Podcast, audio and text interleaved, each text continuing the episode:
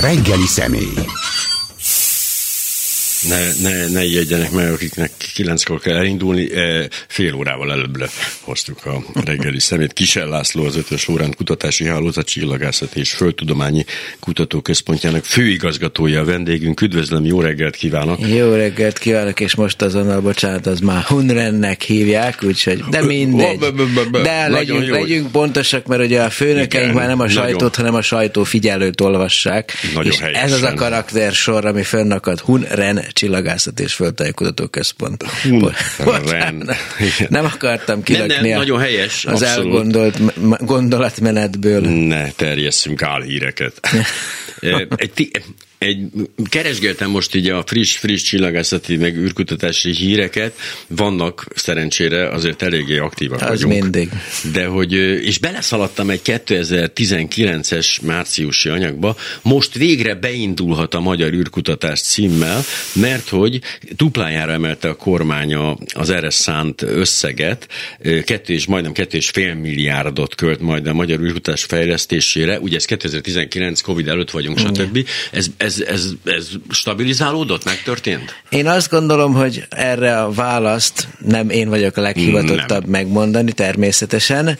Annyit lehet tudni a hivatalos európai űrügynökségi dokumentumokból, amire vonatkozik ez a, ez a hír, hogy a három évente megtartott minisztertanács ülésen már 19-ben a magyar kormány egy nagyon komoly vállalást tett az Európai űrügynökségben, European Space Agency, azaz ESA, a magyar befizetéseknek az arányát megnövelendő. 2022-ben volt egy másik minisztertanácsi ülés, sőt tovább megyek, ebből már ki lehet lány, három évente van ilyen, 25-ben is lesz egy ilyen minisztertanácsi ülés. Minden évben egyébként összegyűlnek az Európai űrügynökség vezető tisztviselői, hogy, hogy megvitassák az aktuális kérdéseket, de három évente van az, amit ők csak C-minként beszélnek, ESA speakül, tehát ESA nyelven, Ministerial Council, és ugye 22-ben is folytatódott ez a trend, tehát azt kell, hogy mondjam, hogy az Európai űrügynökségbe a magyar befizetés, ami még mindig egy százalék alatt van, úgy nagyjából GDP arányosan ott vagyunk a 0,6, 0,7, 0,8, lehet, hogy már az egy százalékot elértük egyébként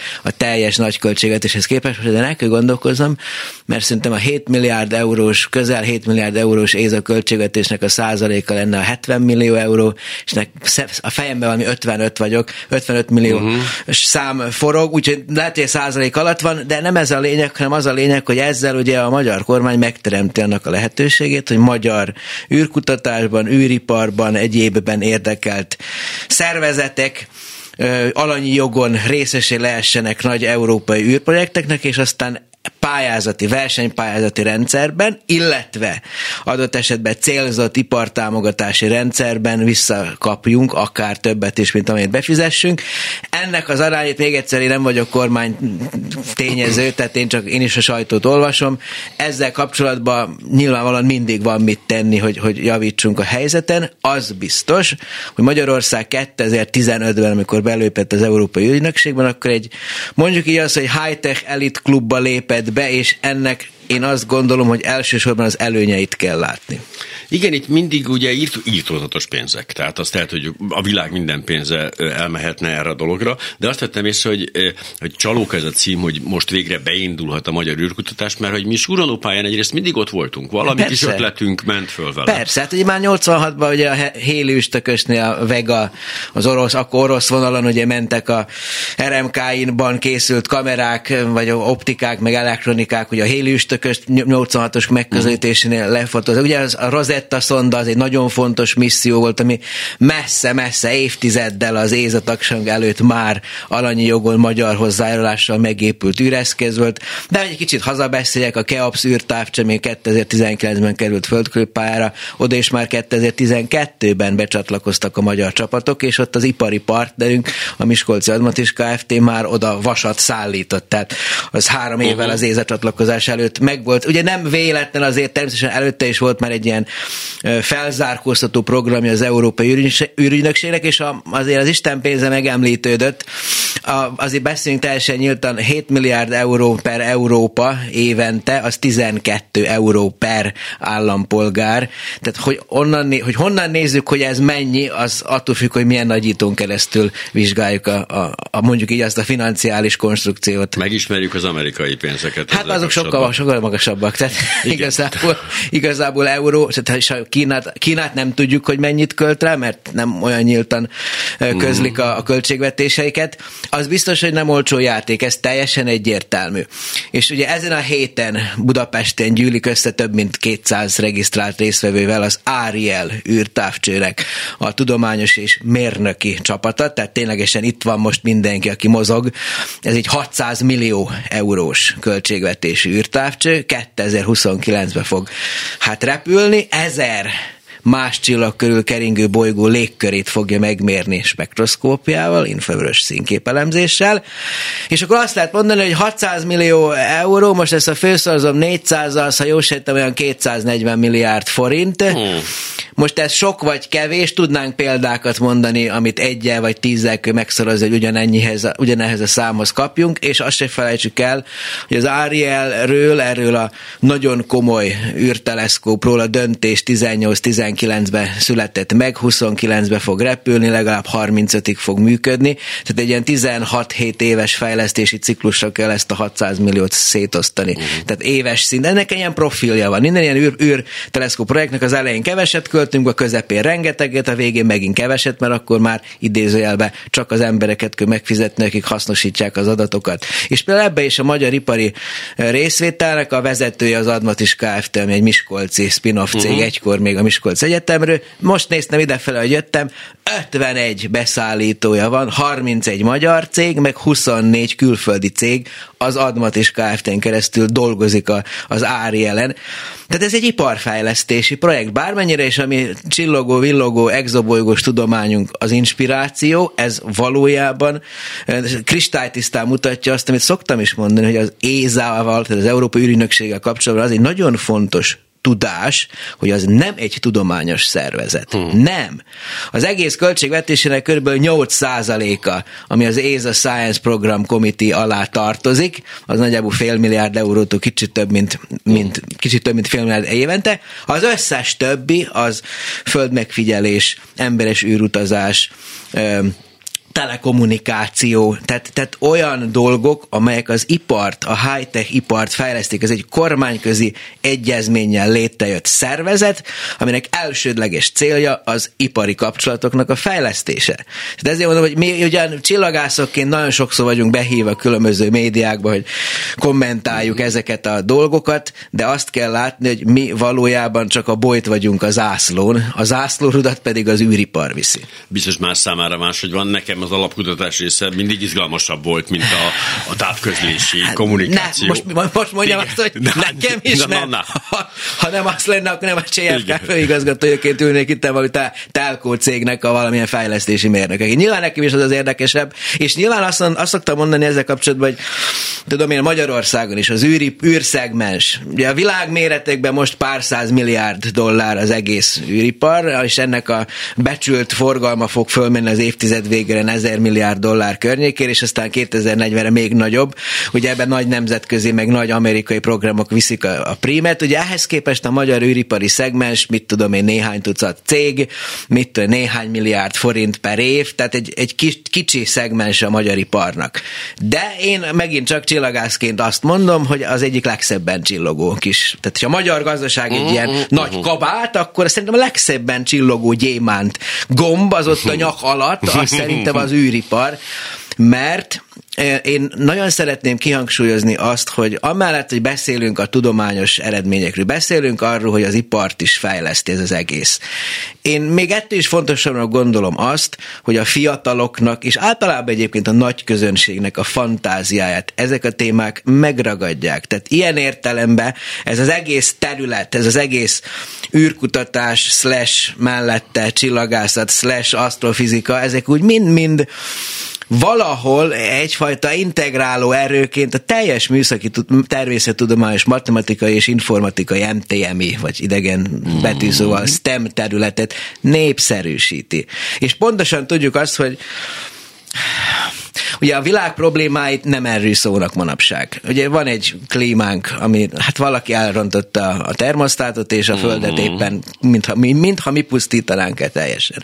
Vannak a társadalmi problémáink, ami, amelyekre nyilván nem a, a, a csillagászok meg az űrmérnökök fogják megmondani tutit, hogy a háborúkat hogy oldjuk meg, sőt, hát vannak, akik aktív szereplő is ennek a szektornak bizonyos tereken. A lényeg az, hogy, hogy, hogy nem, ezek a fő problémái a mai emberiségnek. A civilizációnk túlélése nem az Ariel űrteleszkópon múlik. De higgyünk már abba, legyünk már annyira optimisták, hogy lesz majd day after. Tehát amikor ezeket a problémákat kezeljük, megoldjuk. Én hadd legyek optimista. Én, a, én, még, a, én még a síromból kifelé, amikor már hullanak rám a, a göröngyök is, azt fogom kiabálni, hogy hónap reggel kérem majd a lattémat, mert, mert ugye a reggeli rutinom az egy, az egy ilyen ká. Tehát már amikor halott leszek is, én optimistán a jövőt fogom nézni.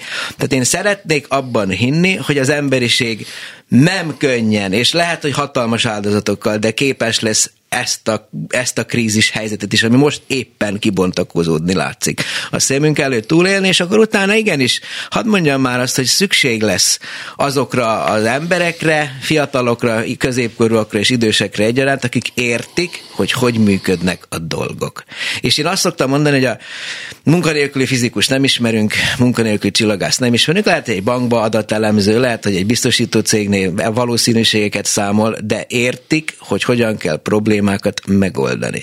Tehát ezért gondolom azt, hogy például mondjuk ez a űrkutatás, csillagászat, akár ezek a kozmikus dolgok, amikkel itten szoktuk úgymond vakítani az érdeklődőket, ezek valójában bevonzák azokat az embereket, akik képzik magukat, aztán majd dolgoznak, amit dolgoznak, de ott lesz bennük egy kulcsképesség, a probléma megoldás.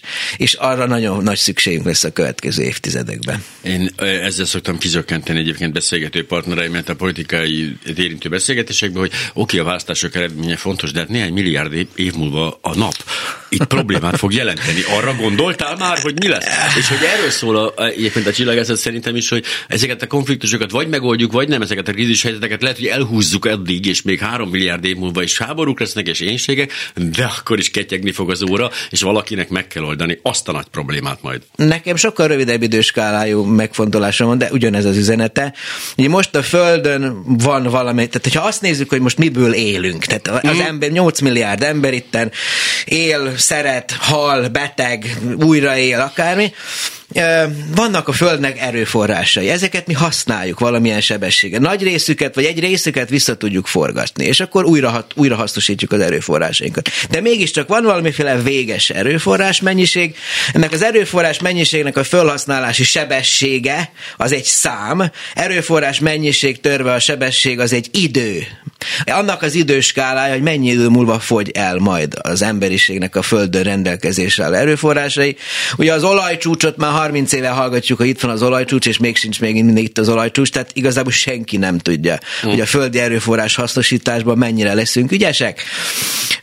De előbb-utóbb el fog fogyni, tehát nem azt mondom, hogy 3 milliárdnyval, lehet, hogy 50 ezer év múlva, de mégiscsak egy kozmikus civilizációs távlatba gondolkodva, igenis, előbb-utóbb az emberiség kénytelen lesz földön kívül erőforrásokhoz nyúlni. És ennek már most megvannak a tapogatózó jelei, amikor ugye a holdra visszamegyünk azért, hogy aztán ott valamit csináljunk, ami szerintem leginkább a technológiai fejlesztések teszt terepe, de megyünk mondjuk fémtartalmú kisbolygókhoz, nem azért, nem azért, hogy azt idehozzuk, egyáltalán még csak földerítés Nyilván. van. Tehát mit tudom én, Kolumbusz Kristóf se azért ment Amerika felé. Hát ő le, vagy India felé, tök mindegy, nem azért fedezte fel Amerikát, hogy hozza tonna szám vissza az aranyat, azt majd 30 évvel később csinálták a spanyolok, hanem hogy fölfedezzen, földerítsen, hogy mi történik ott, oda, odakinn a messzeségbe. Tehát a lényeg az, hogy az űrbéli nyersanyag hasznosítás nak még a távlatait sem tudjuk valójában. Mondjuk így azt, hogy beléptünk egy kapun, és van egy nagyon jó film, amiben a Á, nem mindegy, nem akarok ebben a irányba elmenni. Szóval a lényeg az, hogy vannak nagyon jó filmek. Vannak, vannak nagyon jó filmek. Szóval a lényeg az, hogy, hogy nem tudjuk, hogy pontosan hova fogunk eljutni, de lehet. Egyáltalán nem zárnám ki azt, hogy még a mi életünkbe ezek valósággá, valódi aktivitássá válnak.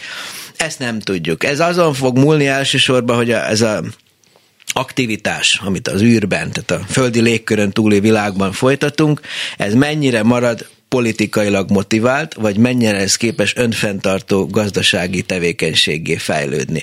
Ugye a 60-as, 70-es években egy hatalmas amerikai-szovjet űrverseny volt, ott egyértelműen politika volt, ami vezérelte a dolgokat, aztán az egyik győzött, a másiknak amúgy is elfogyott a pénze, így is úgy is elfogyott volna, amonnan a politika támogatás fogyott, és akkor jött egy ilyen 20 éves lapály. És aztán a 2000-es évek elején lendült újjá a dolog, és amikor megjelentek a magánszereplők, ma már mondhatjuk azt, hogy egyfajta űrbéli vadnyugat van a fejünk fölött, akkor bizony olybá tűnik, hogy, hogy meglátták az üzleti lehetőséget sokan ebbe a dologba, és ez egy nagyon fontos megjegyzés, és akkor mindjárt elhallgatok, hogy nagyon sokat szoktam beszélni, hmm. hogy, a, hogy, hogy nem az űrturizmus lesz az űrgazdaság. Hát az, hogy multimilliárdos figurákat főröptetni, akár még a hold körüli pályára eljutatni és visszahozni, az nem lesz soha kifizetődő gazdasági vállalkozás. Reklámnak jó, és em, hadd emlékeztessek rá, hogy most is van az űrben egy piros elektromos autó, ami nemrég régiben a Mars pályán is túljárt, tehát demonstrálta azt egy fickó, hogy el tud juttatni egy elektromos autót a Marsig legalább meg vissza. Tehát, tehát reklámnak, média hacknek Igen, kiváló, de ebből még nem lesz neki ezer milliárd dollár egy emberes marsutazásra. Ahhoz egész más kell neki Minden dolog, ami erre, erre irányítja a figyelmet, használ egyébként az alapkutatásnak. Azt gondolom, hogy pira, ilyen piros autókat, ami nevetségesnek hangzik, küldözgetnek a Mars pályájára, de mégiscsak az űrben történik valami. Más másrészt az, hogy mennyire szemeteljük tele, de, de például tényleg a NASA, ami nem, volt, nem voltak ott sokan babonásak, mert hogy október péntek 13-án indult el a, ez a, a, a psziché, a igen. psziché Egészségére. Megnézni, igen, megnézni ezt a kis bolygót, amiről már tudjuk, hogy elég gazdag fémekben. Igen. Ez például hogy működik ilyenkor, hogy van egy, van egy, egy, egy gazdasági küldetés, amire rá kapcsolódik valamelyest a tudomány, vagy ez alapvetően még egy tudományos küldetés, amire rá csimpaszkodik a gazdaság? Erre, ez szigorúan tudományos küldetés. Ez, ez abszolút a földerítés rész. Amikor küldik a Mariana árok aljára a mélytengeri óceánfeneket földerítő tudományos programot, és akkor lehet, hogy ott látnak valami érdekeset, szóval ez, ez még arról szól, ez egy olyan NASA projekt, amiben vannak mindenféle cégek, amelyek mindenféle, uh-huh. akik, akik megépítették azokat a műszereket, amelyek a tudományos programot fogják hát végrehajtani, hogy oda fog repülni, hat év múlva fog megérkezni, legalább két évig fog körülötte keringeni tőlünk, nagy messzeségbe, több száz millió kilométerre, és a cél az az, hogy ténylegesen a belső szerkezetét, az összetételét nagy pontossággal megismerjük. Úgyhogy az még abszolút a, a földerítés, a, a tudományos tudásnak a, a bővítése.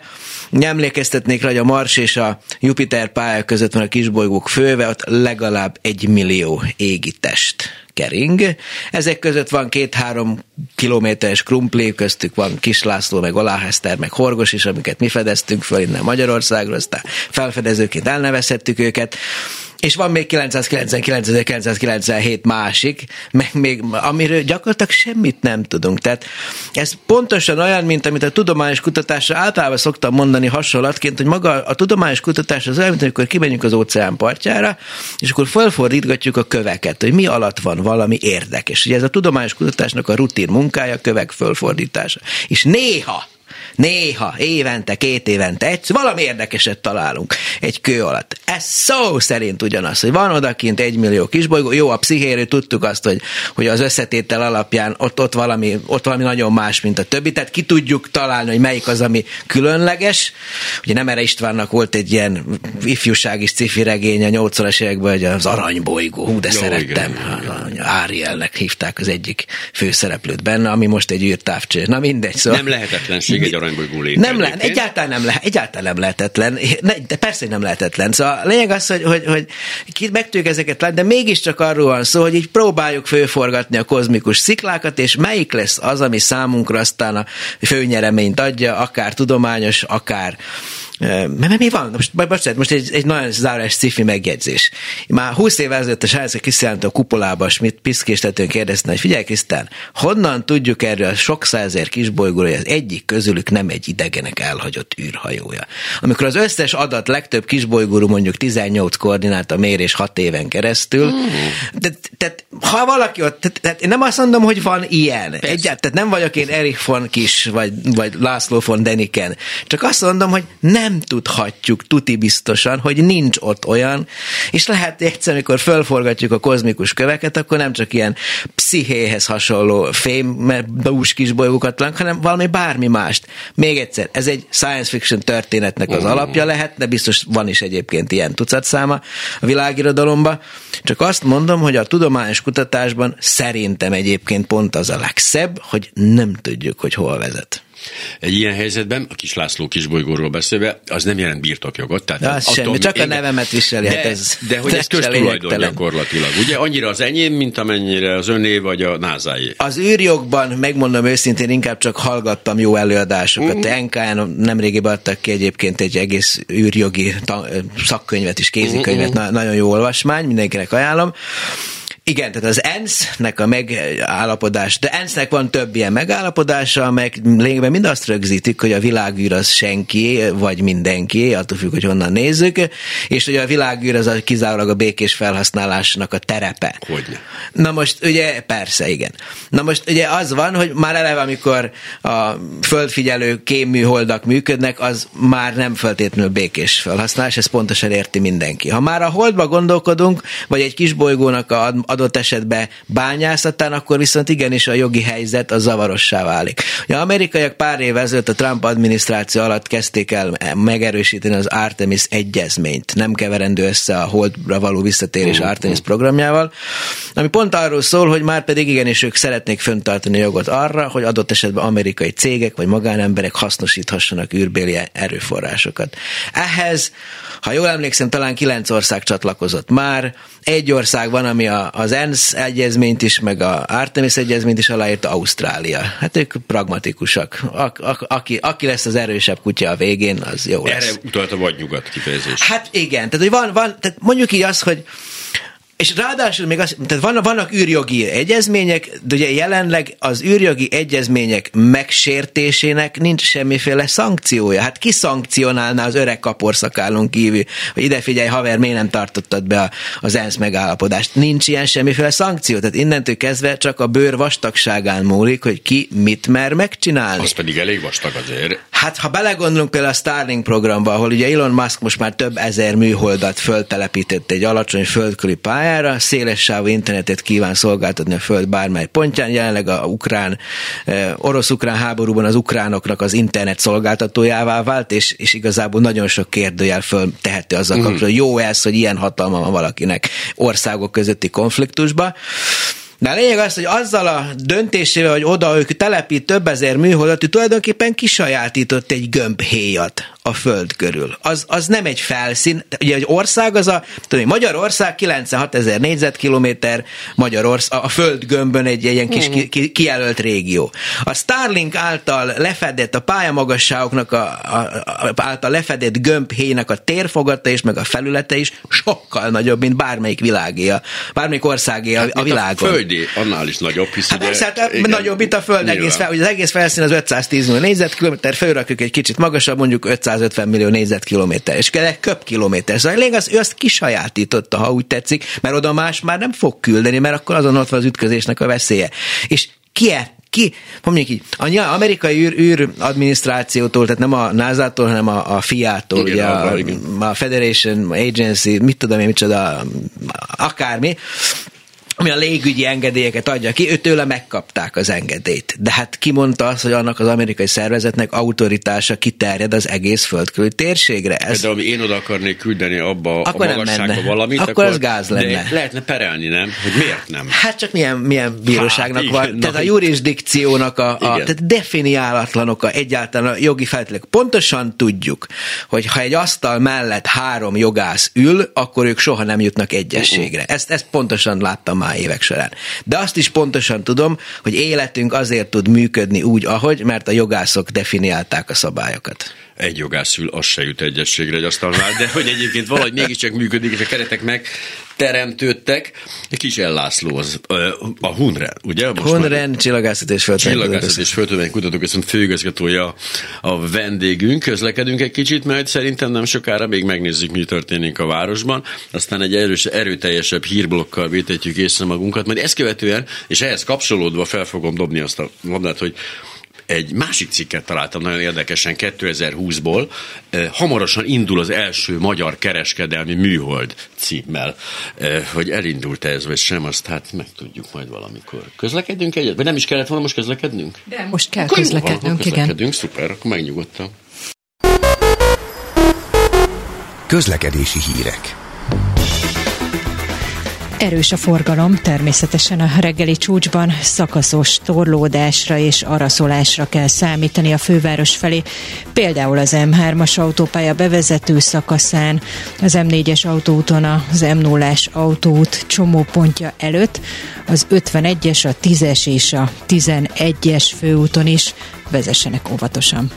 Mindenből ötös a Tele 5. 5 555 555. Közlekedési hírek a Tele 5 taxi támogatásával. Klubrádió. Tények. Vélemények. A lényeg. A Klubrádió krónikája reggel. 9 óra egyelőre légicsapásokkal folytatódott a Gáza elleni offenzíva az izraeli hadsereg a Paransta vára szárazföldi hadművelethez.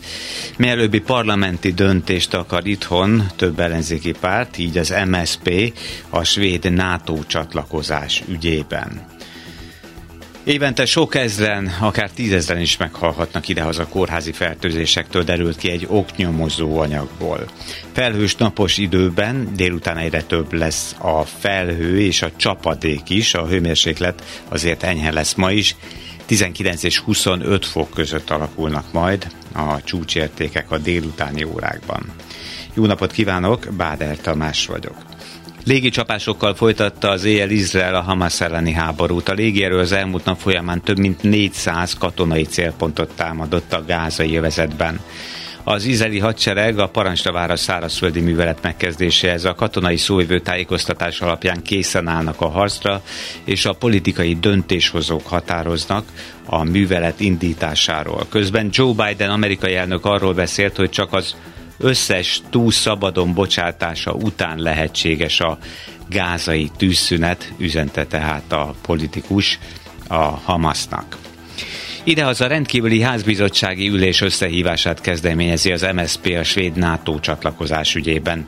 Az ellenzéki párt arra tesz javaslatot, hogy ez soron kívül mielőbb szavazza meg az országgyűlés. Emlékeztetnek az ügyben szintén az utolsó között kiváró Törökország elnöke, tegnap, október 23-án aláírta az ügyben készült jegyzőkönyvet, amit be is nyújtottak az ottani törvényhozásnak.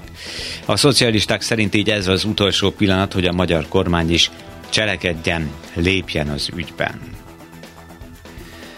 Az unió vezetését támadta Orbán Viktor az október 23-ai nemzeti ünnepen. A miniszterelnök Veszprémben zárt körben meghívottak előtt a média egy részének kizárása mellett tartott rendezvényen azt mondta, Brüsszel nem Moszkva, Moszkva tragédia volt, Brüsszel csak egy rosszul sikerült kortárs paródia fogalmazott. Szerint a nagy különbség, hogy a Szovjetunió reménytelen volt, az Európai Unió viszont még nem az. Nem engedünk abból, hogy Magyarország köztársaság legyen, erről Karácsony Gergely beszélt október 23-án az Oktogonon tartott demonstráción, amihez civil szervezetek is csatlakoztak, ők az oktatás szabadságáért demonstráltak. Összefoglaló Horváth Ádámtól. Több ezres tömeg gyűlt össze a Szabadság érted elnevezésű demonstrációra október 23-án a fővárosban, ahol a Hősök terétől az orosz nagykövetségen és a terrorházán keresztül az oktogonhoz vonultak. A diákok, tanárok és civilek által szervezett tüntetésen beszédet mondtak a tanítanék mozgalom ikonikus tagjai, Törlei Katalin, Berta Beáta és Pilc Olivér. Törlei Katalin a Költséggimnázium volt tanára elmondta, szeretett tanítani, de nem bánta meg tettét, amiért kirúgták kellett emelnem a szavamat az ellen a rombolás ellen, amelyel a kormányzó hatalom feldúlta az oktatási rendszert. A polgári engedetlenséget választottam, hogy kinyilvánítsam lesújtó véleményemet az igazságtalan jogfosztásról. Célkeresztbe kerültem, de ma is engedetlen lennék. Vádolom a kormányt mindazért, amit az oktatással, a gyerekeinkkel, a jövőnkkel tesz. A kormány bűnös, az eseményen beszédet mondott Karácsony Gergely főpolgármester is, aki szintén kiállt a tanárok mellett. A köztársaságot kivették az országunk nevéből, és lépésről lépésre kivették az állam működéséből is. Ma az állam a köztársasága helyett egy részvénytársaság. A közérdek helyett a magánérdeket képviseli. Hiába számozték a köztársaságot a törvényeinkből, a köztársaság ott van a tanárok mozgalmában, akik nem engedik, hogy a gyermekeinknek a legfontosabb útra való a tudás nélkül kelljen helytállniuk az egyre bizonytalanabb jövőben. Budapest önkormányzata ennek a gondolatnak nyújt menedéket, hogy túlélje a nehéz időket, hogy legyen honnan visszatérnie amikor majd az egész országban újraépítjük a köztársaságot. A polgármestere mellett kitért a jövő évi választásokra is. Régen a városok fallal vették körül magukat, hogy megvédjék az értékeiket és az elveiket. Ma úgy tudjuk megőrizni az értékeinket, hogyha lebontjuk a falakat és hidakat építünk helyettük. Európai parlamenti és önkormányzati választás egy napra tétele egy csapda, amibe nem szabad belegyalogolnunk. Én vállalom, hogy heteken belül létrehozom az ellenzéki pártok Budapesti Szövetségét a jövő évi önkormányzati választásra. A demonstráción számos civil szervezet részt vett, valamint tiszteletét tette a színpadon Iványi Gábor is, aki annyit üzent a résztvevőknek, idézem, ti vagytok a mi jövőnk. Augusztusban 555.900 forint volt a bruttó átlagkereset, ami 15,2%-kal magasabb, mint egy évvel korábban. A nettó átlagkereset 383.500 forint, ez szinte ugyanilyen mértékben, 15,1%-kal nőtt, ugyanakkor a hivatalos inflációt figyelembe véve is, éves szinten azért 1%-kal csökkent a reálkereset, derült ki a KSH adataiból. Évente sok ezren, akár tízezren is meghalhatnak itthon a kórházi fertőzésektől. 2021-ben például számítástól függően 16 ezer vagy akár 21 ezer ilyen esetet azonosítottak. Ezek csak nem fele halállal végződött. Ebből 1400-nál még maguk a kórházak is elismerték, hogy a náluk szerzett fertőzés szerepet játszott a betegek halálában. Derült ki a Direkt 36 oknyomozó anyagából, amit a Telex közölt. Ez szerint 2017-ben egy részletes Európa európai vizsgálat arra jutott, hogy Magyarországon évente több mint 78 ezer kórházi fertőzés történik, így a bekerülő emberek 3,5%-a érintett lehet. Az oknyomozó cikkben olvasható még, hogy a magyar állam és a politikusok tisztában vannak a probléma súlyosságával, de több energiát fektetnek a tagadásába és a szőnyeg alá söprésébe, mint a megoldásába. Legközelebb hírekkel 10 órakor jelentkezünk, most a várható időjárásról hallhatnak. A lényeget hallották. Időjárás jelentés. Felhős lesz az ég az ország nagy részén. Eleinte lehet szűrt napsütés, elsősorban a déli megyékben, majd nyugat felől mindenütt beborul. Késő délutánig csak néhol fordulhat elő kisebb eső, szítálás, ezt követően viszont már egyre több helyen várható csapadék. A legmagasabb hőmérséklet nagy rész 19 és 25 fok között valószínű, de a tartósabban felhős tájakon ennél pár fokkal hűvösebb marad az idő. Késő estére 12 és 21 fok közé hűl a levegő. Sárospatakon 15, Miskolcon, Nyíregyházán 18, Tatabányán 19, Siófokon Győröt 20, Budapesten Kaposvárot 21, Pécset 23, Kecskeméten 24 fok várható. Klubrádió. Tények. Vélemények.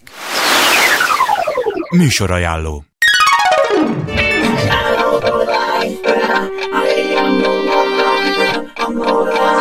Milyen lehet egy tökéletes társadalom? Utópia. Elképzelések a jövőről. Najman Gábor ismeretterjesztő műsora minden kedden 19 órától. Műsorajánlót hallottak. Basszus! Megjelent Alató András legújabb könyve. Ja, és mi a bajod ezzel? Semmi az égvilágon, én csak a kötet címét mondtam ki. Basszus! Üzenetek abszurdisztánból. Ja, oké, akkor jó.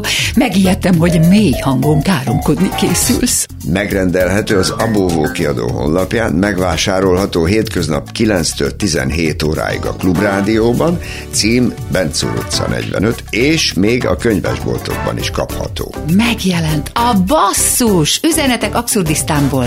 Arató András legújabb könyve. Fólia vagy nem fólia, az itt a kérdés. Programajánló. Kinek van joga ítélkezni felettünk? És meg tudunk-e bocsátani magunknak? Október 26-ától érkezik a mozikba a mellékszereplők, amelyben Sopsi Csárpád, a Martfűrém rendezője ismét a bűnlélektanát boncolgatja, egy rejtélyes fénykép által elindított nyomozás, drámai fordulatai nyomán. Programajánlót hallottak. Reggeli gyors. A Klubrádió reggeli információs műsora. Reggeli személy. Kisel Lászlóval beszélgetünk a Honrend Csillagászati és Fűtudományi Központjának főigazgatójával. Bedobtam ezt a magyar műholdat. Na itt például nagyon érdekes, ugye ez egy egyértelműen gazdasági vállalkozásnak tűnik, ez egy telekommunikációs, nem belemenve a részletekbe, egy 4IG projekt. Ugye itt, eh, itt nagyon érdekesen keveredik ez a dolog, hogy a magyar űrkutatásról beszélünk, hogy lehet szétválasztani a kutatást a, a kereskedelemtől, nyilván nem, nem, de hogy ezt 24-re tervezték az indítást, ebből lehet valami, vagy ezt a Covid elsodorta? Vagy? Hát ez egy jó kérdés, ugye konkrét információkkal természetesen nem rendelkezem, magam is még egyszer csak sajtóolvasóként tudom hmm. kommentálni a dolgot az egy nagyon fontos dolog, hogy egy magát komolyan vevő állam, az nem csak az Európai űrügynökségbe fektet be pénzt űrkutatásba. Például jól lehet tudni az, hogy a francia űrügynökségnek magában nagyobb a költségvetése, mint az egész Európai űrügynökségnek. Tehát Jó. ténylegesen az ÉZA az egy szép, szépen csillogó valami, de minden állam valójában még a saját adófizetőktől beszedett, illetve hát cégektől beszedett adó alapokból, még a állami költségvetésből is tesz bele bele pénzeket. Itt most valószínűleg annyit lehet sejteni, hogy a Ugye a sajtóban olyanok jelentek meg, hogy egy geostacionárius pálya szabadult föl, vagy szabadul föl a közeljövőben, ahova a Kárpátiaszat nevű e, műhold, magyar telekommunikációs műhold menne föl.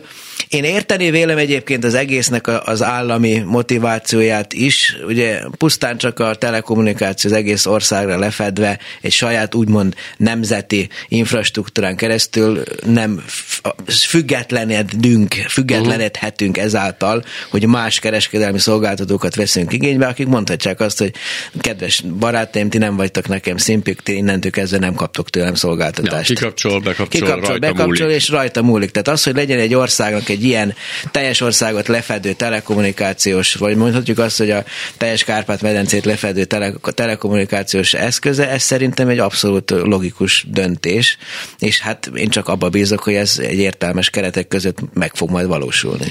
Valóban itt érdemes, na de végre beszéljünk, mert pont, végre beszéljünk pontos dolgokról. Az energiakitörésről, ugye, ami ez az úgynevezett FRB. Ja, ja, Fast jel, Radio Burst 22, ami, nem tudom mennyit. Aminek így, igen, aminek nagyon megörültünk, hogy most nemrégiben volt egyébként, egy korábbi cikket találtam egy másik ilyen kitöréssel kapcsolatban, amit szintén detektáltak, aminek az volt a különlegesség, hogy három másodperces volt, ami egy az viszonylag hosszú. hosszú. Igen, igen. Na ez a mostani, ez nem, ez nem az, ez egy nagyon-nagyon apró, viszont brutális. Távolságból ért. Brutális távolságból, brutális időből, brutális energiával.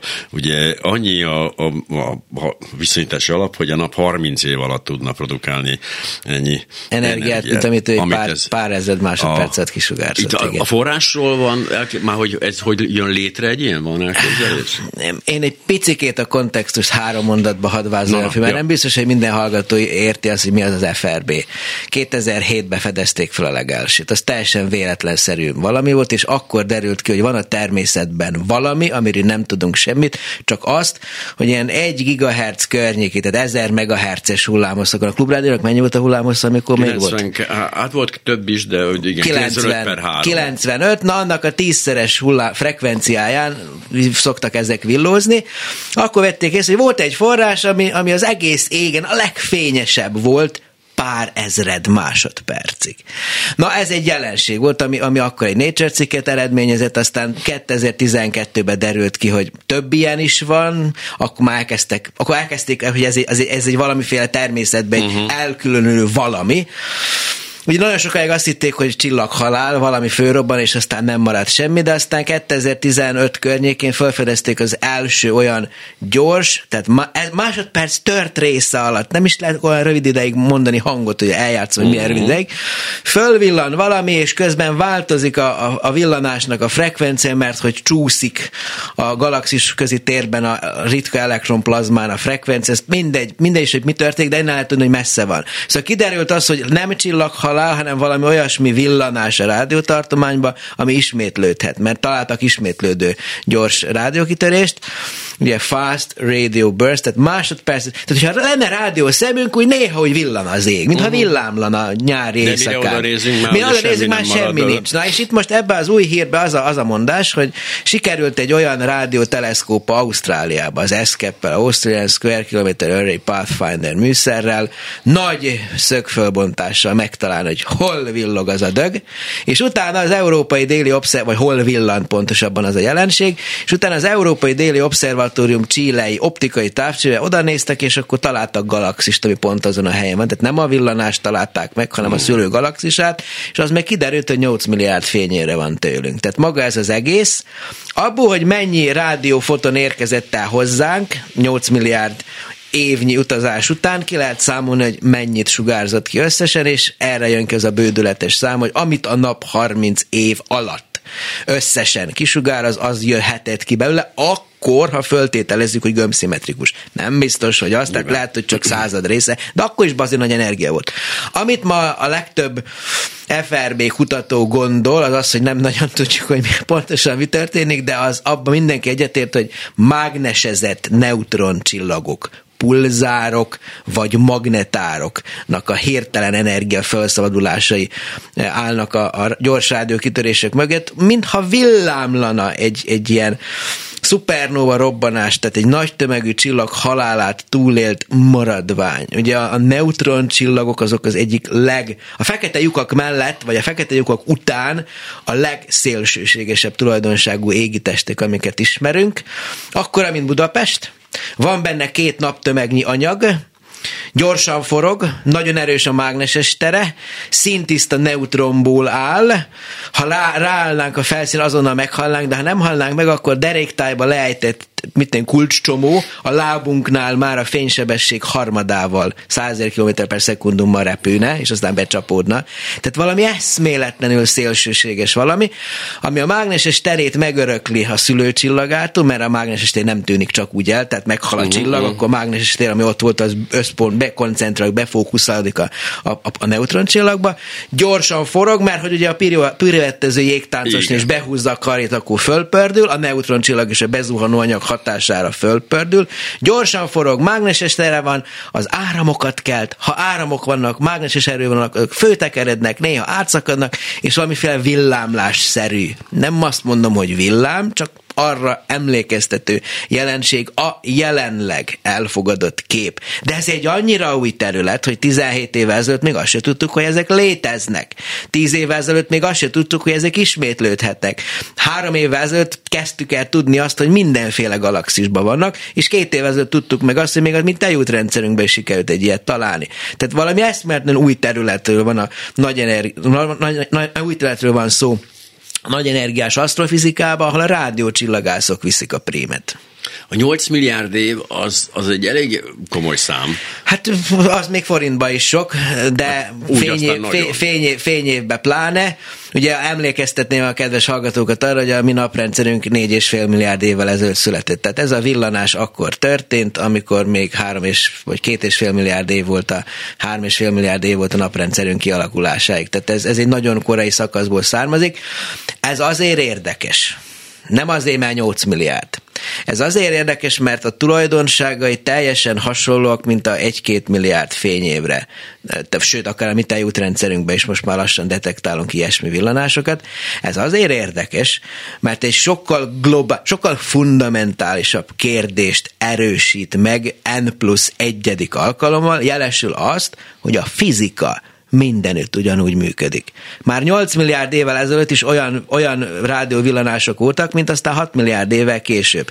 Tehát nincs okunk azt föltételezni jelenleg, hogy a fizikai konstansok például változnának időben. Vannak elméletek, vannak egész egzotikus elméletek, amik még azt is föltét, azt is megengedik, hogy a fénysebesség. Régebben gyorsabb volt. Vagy régebben gyorsabb volt, vagy hogy a, vagy hogy a finomszerkezeti állandó, amiben van Planck állandó, fénysebesség, mindenféle kutyafüle konfizikai konstans, hogy az egy, egy 137 hogy annak, annak változik az értéke.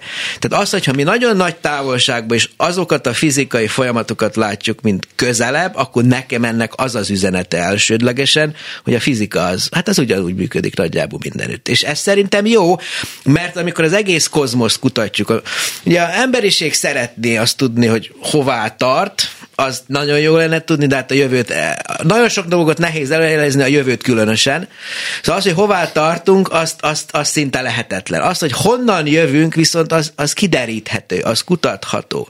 És amikor az egész univerzum eredetét vizsgáljuk, akkor mégiscsak az a kiinduló föltételezésünk, hogy az a fizika, amit itt mondjuk a laborban, a részecske fizikusok, amik ütköztetik a, a CERN-be a protonokat egymásra, és aztán mindenféle azt mondják olyan körülményt állítanak elő, mint az ősrobbanás utáni egymilliómod másodpercben, akkor mégiscsak az a föltételezésünk, hogy a fizika törvényei nem változtak. Univerzálisak, térben és időben.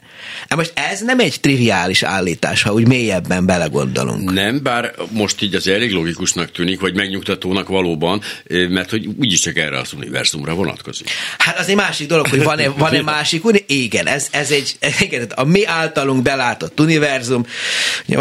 Van egy YouTube csatornám, ahol a leglát, legnézettebb videómnak az a cím, hogy mekkora a világegyetem, meg is mondjuk a 70. percben 42 milliárd, 41 milliárd fényév, hát van olyan konusas, hogy kijön pont a 42. Azért az jó lenne, igen. Az egy, jó, ismert, az, egy, az, egy, az egy ismert szám, ja. igen. Tehát ez, ez láthatólag izgatja az embereket, és, és, és akkor ott azért elhangzik, hogy valójában az állt, amikor világegyetemről beszélünk, egy megfelelő csillagász a szájából pörögnek ki a mondatok ilyen témakörbe, akkor mindig oda kell érteni elé az eposzi jelzőt, az általunk belátott világegyetem. Igen, és azért megnyugtató ezt, hogy a fizika nagyjából időben és térben minden egyforma, mert azért egy kicsit az ősrobbanás, meg a, fekete, a szupermasszív fekete lyukak elbizonytalanítottak ebbe engem, hogy mindenhol a, ugyanaz. A, a James Webb-nél is ugye, amikor a legtávolabbi, legfiatalabb és már meglepően fejl, előre haladott fejlődés állapotban levő galaxisokat és központi fekete lyukakat találják.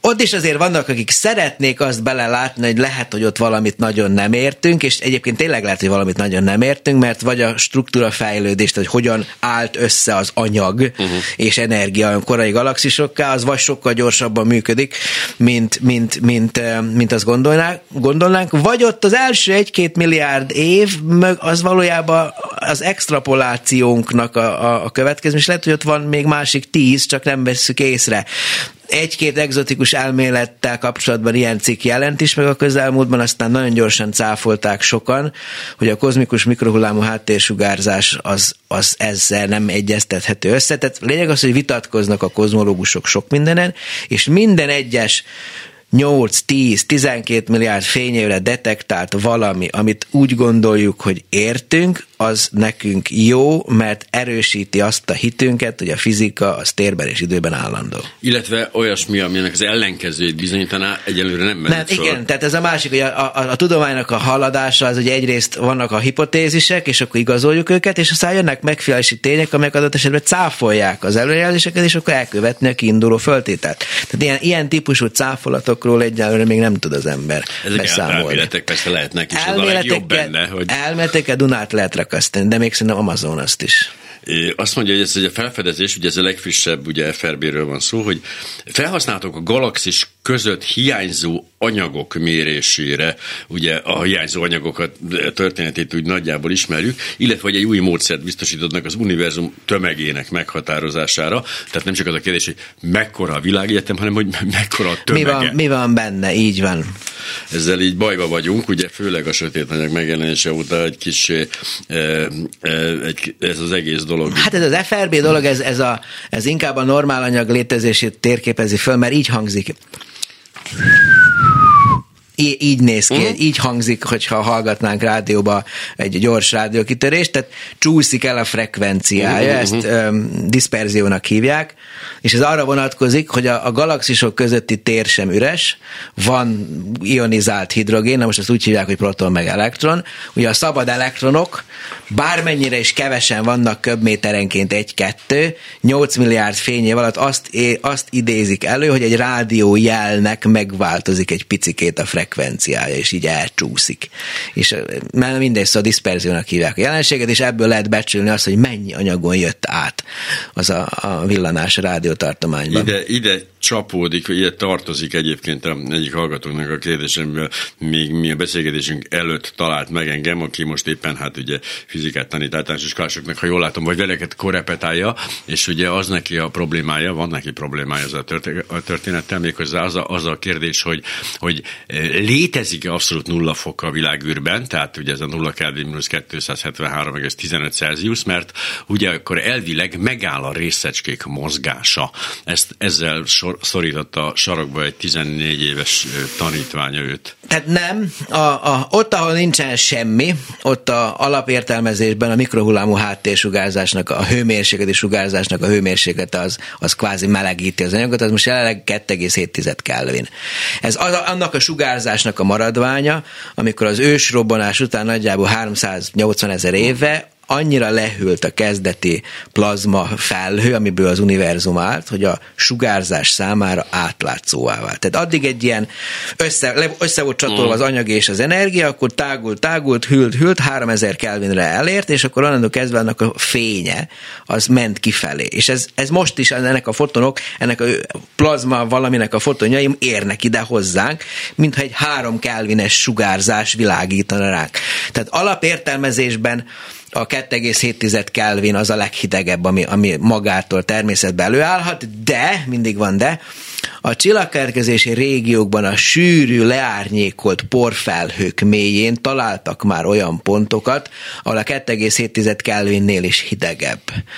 Van ilyen 1-2 Kelvin, tehát még 1-2 Kelvin le lehet venni belőle, mert amikor egy ilyen porfelhőben belső folyamatokat mondjuk tágítják, és aztán ritkul, és aztán hűl, és le van árnyékolva mikrohullám átésugárzástól, akkor akár a 2,7 Kelvinnél hidegebb pont is lehet, de 0 Kelvin ott sem lehet. Ez egy elméleti ez, szám gyakorlatilag. Hát a nulla, a nulla Kelvin az, igen, az, amikor tényleg leáll mindenek. Eleve a hőmérséklet definíció egy ilyen nagyon ritka közegben már maga is aggodalmat, aggodalomra ad okot, valahol, valahol egy statisztikus mérő mennyiség, hogy a részegység milyen sebessége mozognak, azzal ekvivalens, van is ilyen ekvipartíciós, tehát nem akarok itt most termodinamikába elmenni, az biztosít a földi laborokban, ott nagyon nagy közel, nagyon nagy pontosság, vagy nagyon nagy nagyon le, le lehetett nyomni simán a mikrokelvin alá a uh-huh. közegbeli hőmérsékletet, pusztán csak az, hogy mágneses térbe leállították az ott repülő atomokat, és aztán azok kvázi megállva abban a térben a statisztikus fizika által értelmezett hőmérséklet az a mikrokelvin alá lement. Ami, ami már legjobban, legjobb közelítés. Ami már a legjobb közelítés. De, de ott valóban áll is az a tétel, hogy ott aztán nincs mocorgás. Ott már nincs mocorgás, így van.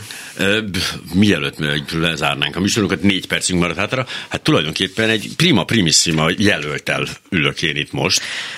Hát így hozta a sors, igen, 2023-ban Magyar Tudomány kategóriájában a három prima egyike vagyok, és majd novemberben lesz valamilyen közönség szavazással, a közönség valami SMS-es rendszerbe kódokat tud küldözgetni, hogy ezt, ez a fickó, vagy fickica, vagy ez a figura, vagy ez a szereplő, ez a jelölt, ez szimpatikusabb, mint a másik. Hát én csak azt tudom mondani, hogy hát bízom benne, hogy a kedves hallgatók közül lesz majd, aki adott esetben engem választ ebbe a közönség szavazásban. Magyar nóta énekeseknél ez érthető meg, ugye az egésznél, a slágerlistáknál is. A közönség szavazásra a tudós, a tudós esetében az mindig egy kicsit hát érdekes. én nem tudom, de, de most nézze, hogyha utólag megtudom, hogy a, mit ugye 10 kategóriában van Prima, 30 jelöltet választott ki a Prima Primissima alapítvány, mindegyik abszolút a tekintés és elismerésre mért. Tehát egyáltalán hihetetlen, tehát rögzítsük, hihetetlen megtiszteltetés, ha ismerteim szerint több mint 800 jelöltből bekerülni abba a 30-ba, akik a 10 kategóriába három-három primát jelentenek, és akkor ezek után, hogy egy tudós adott esetben csak mit tudom én, ne, informálisan mondjuk, mit tudom én, azt mondom, hogy ötödik helyre fő tudtam hmm. magamat küzdeni, akkor azt mondom, hogy a, a tudomány igenis lehet szexi. És hogyha ezt, ezt el tudjuk érni, hát akkor most miért ne? Hát fú, tehát ezzel most nagyon kell dolgozni, mert az erők, mint ellene hatnának, azt vettem észre, a, mert, hogy a, mert az én kamaszkoromban a tudomány az szuper szex. Tehát a leg, a, fú, a leg, Hát ha visszagondolunk a gyermekkorunkra, azért mit tudom én, egy, egy övegesnek a megjelenése az egyértelműen. És hogy most pedig elkezdett felerősödni az a trend, hogy a, hát a tudomány is csak találgat, ők se, ez, ez ijesztő és nagyon veszélyes irány. Ez, ez ténykérdés, én magam is sokszor nagyon csalódottan figyelek nagy hatású köz, közbeszéd, közírókat, akik a, a tudományt egy az egyben lesöprik az asztalról, hiszen ők is, ők is csak bizonytalanságról beszélnek. És én magam is megszoktam kapni, hogy ez a csillagászat milyen egy haszontalan tudomány, legutóbb példa egyik kommentelőm a Facebook oldalamon, és akkor visszaírtam, hogy nettem éppen kötekedő kedvemben voltam, hogy jó, oké, haszontalan tudomány, de akkor legközelebb tessék nem használni a GPS-t, amikor elmegy egy vidéki terep, terepre, illetve tessék nem megnézni, hogy milyen időjárás lesz a műholdképek alapján, mert mind a kettő alkalmazott égi mechanika, aminek a gyökerei visszamennek a csillagászathoz, a bolygók és a hold mozgásának az elméletéhez. Hát de ne szálljon repülőre, hajóra, azt semmit ne csináljon, hát, mert azért ez messzire vezetne. Ez egy nagyon messzire vezető dolog, igen. Hogy Attól függetlenül a tudományos módszernek a része, a vita, az teljesen egyértelműen kiderült a elmúlt években, de ez teljesen normális dolog. A tudomány mindig is így működött. Igen, csak az tudósok vitatkozzanak egymással, és ne politikusokkal vagy hülyékkel kelljen vitatkozni, mert ez még elveszi az időt. Ez így van, mert főleg, hogyha a vita igazából hitvitával alakul, az nem igazi vita. Az csak a nevében. Az hitet nem lehet érvekkel megdönteni. Nagyon nehéz. Kis Ellászló, prima primis, prima primis díjjelölt, és egyébként a Hunrend Csillagászat és Földtudományi Kutatóközpontjának főigazgatója volt a vendégünk, a reggeli személy. Ne menjenek sehova, úgy tűnik, mint a vége lenne, de nem, még fél óra itt a reggeli gyorsból. Reggeli gyors, nem marad le semmiről.